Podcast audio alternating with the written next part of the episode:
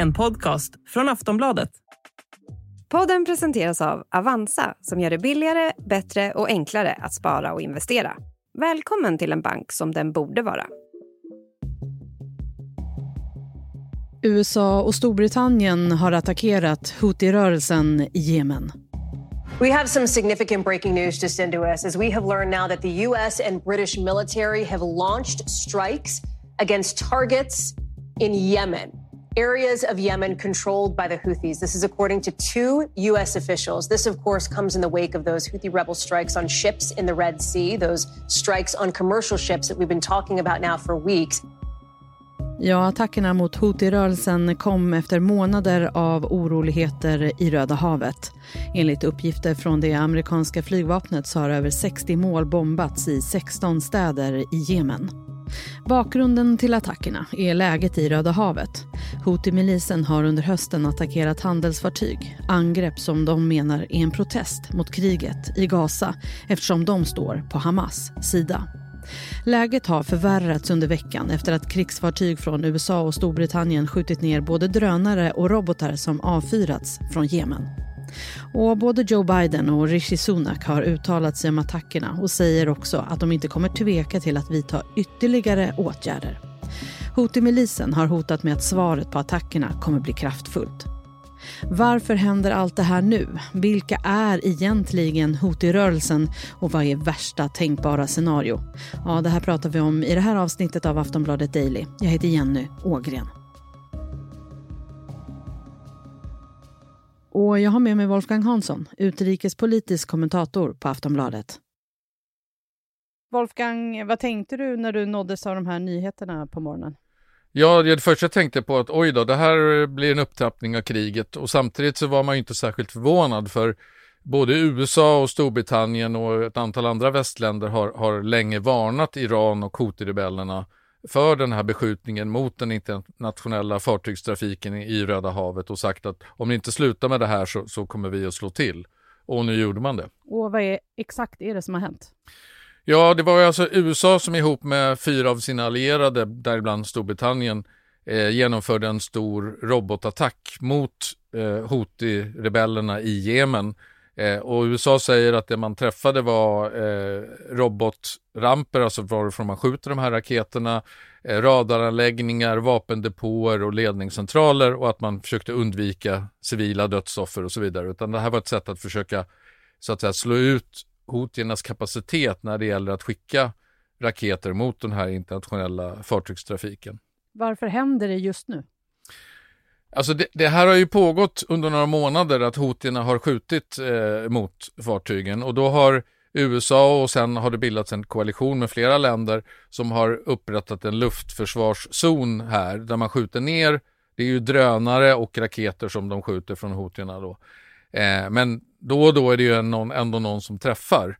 Eh, och det har ju gjort att många fartyg har gått den här omvägen runt Sydafrika. Det tar en vecka extra, det blir massa extra kostnader, Eh, det blir ökar inflationen och så vidare. Och, och, det är ju så att säga, det är ju ett brott mot internationell rätt det Houthierna gör genom att attackera fartygstrafiken.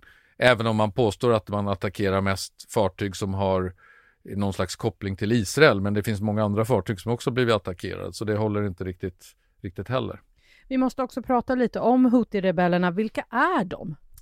Alltså det är en grupp eh, som eh, finns i Jemen och har funnits där ganska länge. De har varit inbegripna i ett väldigt långt krig eh, där Saudiarabien med flera har försökt eh, driva ut hotierna från Jemen eftersom hotierna är eh, allierade med Iran och Saudiarabien och Iran är ju ärkefiender.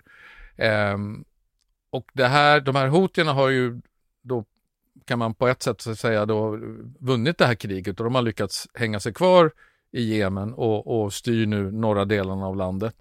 Eh, men de gör ju det tack vare Iran, för det är Iran som förser dem med, med vapen och teknologi och de är, egentligen är det en en liten obetydlig rebellgrupp men som har fått stor betydelse tack vare Irans stöd. Och det är också bara tack vare Irans stöd som man har kunnat genomföra de här fartygsattackerna. Och det är väl inte bara så att säga Irans stöd utan det är väl Iran som har uppmanat dem om att, att genomföra de här attackerna.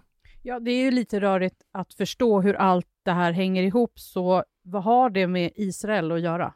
Jo, eftersom Israel efter Hamas terrorattack den 7 oktober så svarade Israel med ett våldsamt krig mot Gaza där man har dödat nu över 20 000 palestinier varav bara en bråkdel är Hamas-krigare.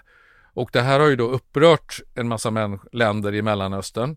Eh, Houthierna är ju en av dem då som, eftersom de är Iran-lierade, som egentligen vill utplåna Israel. Israel ska inte få finnas i Mellanöstern. De vill inte ha någon judisk stat där. Och därför så har de så att säga eh, ställt upp till stöd för Hamas. Och det är därför de genomför de här attackerna. Vi ska snart prata mer med Wolfgang. Vi tar en kort paus.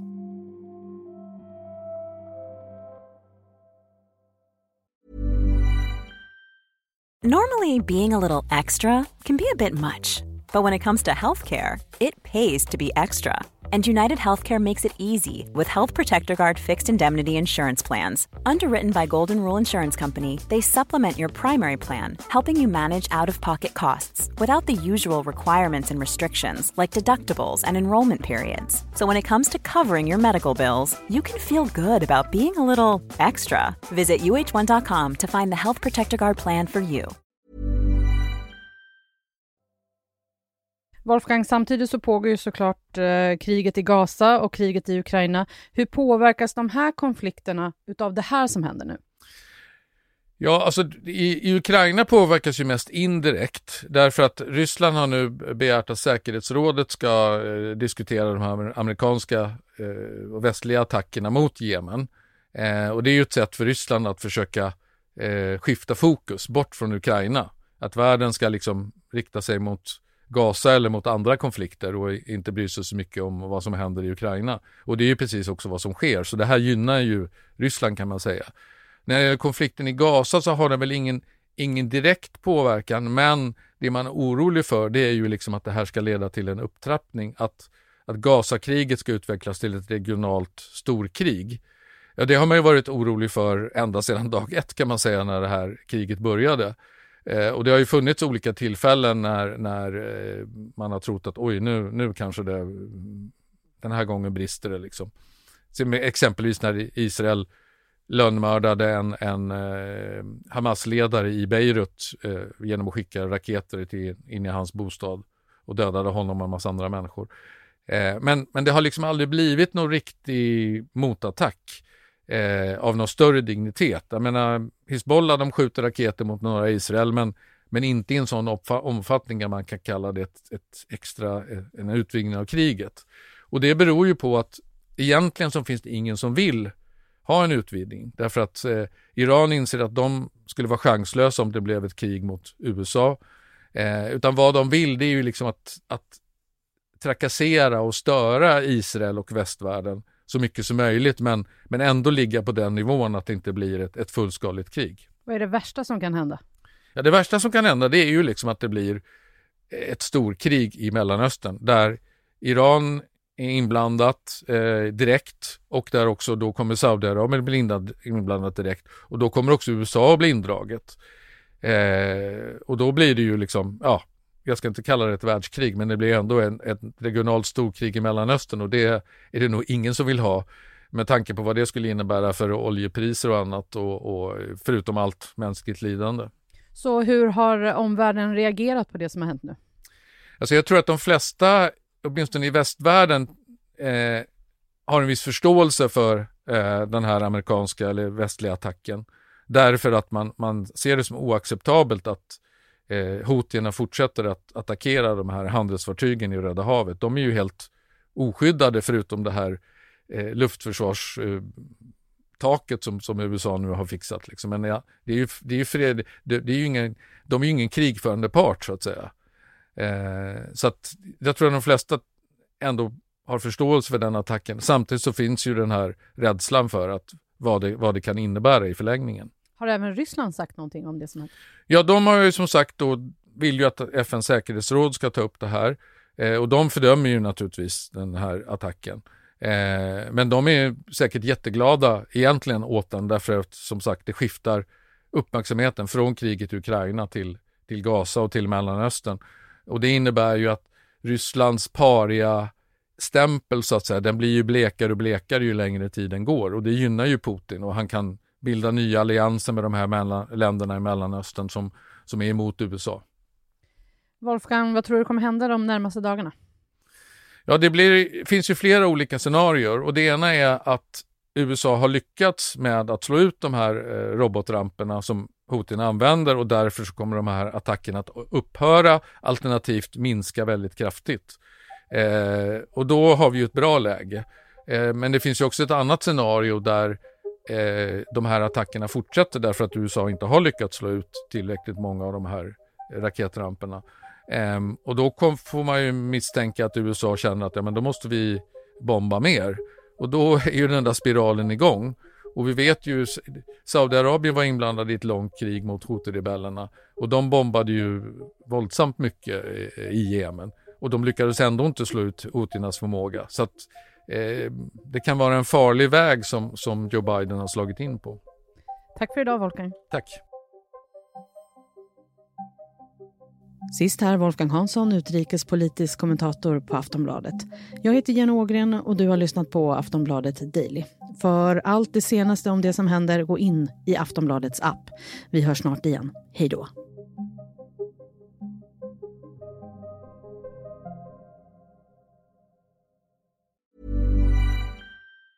Tired of ads barging into your favorite news podcasts?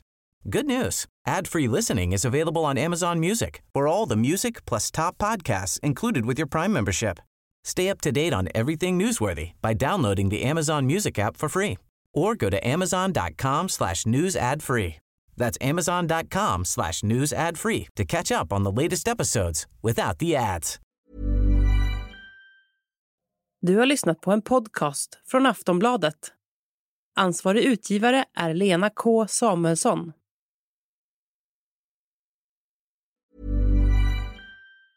Tired of ads barging into your favorite news podcasts? Good news. Ad-free listening is available on Amazon Music for all the music plus top podcasts included with your Prime membership. Stay up to date on everything newsworthy by downloading the Amazon Music app for free or go to amazon.com slash news ad free. That's amazon.com slash news ad free to catch up on the latest episodes without the ads.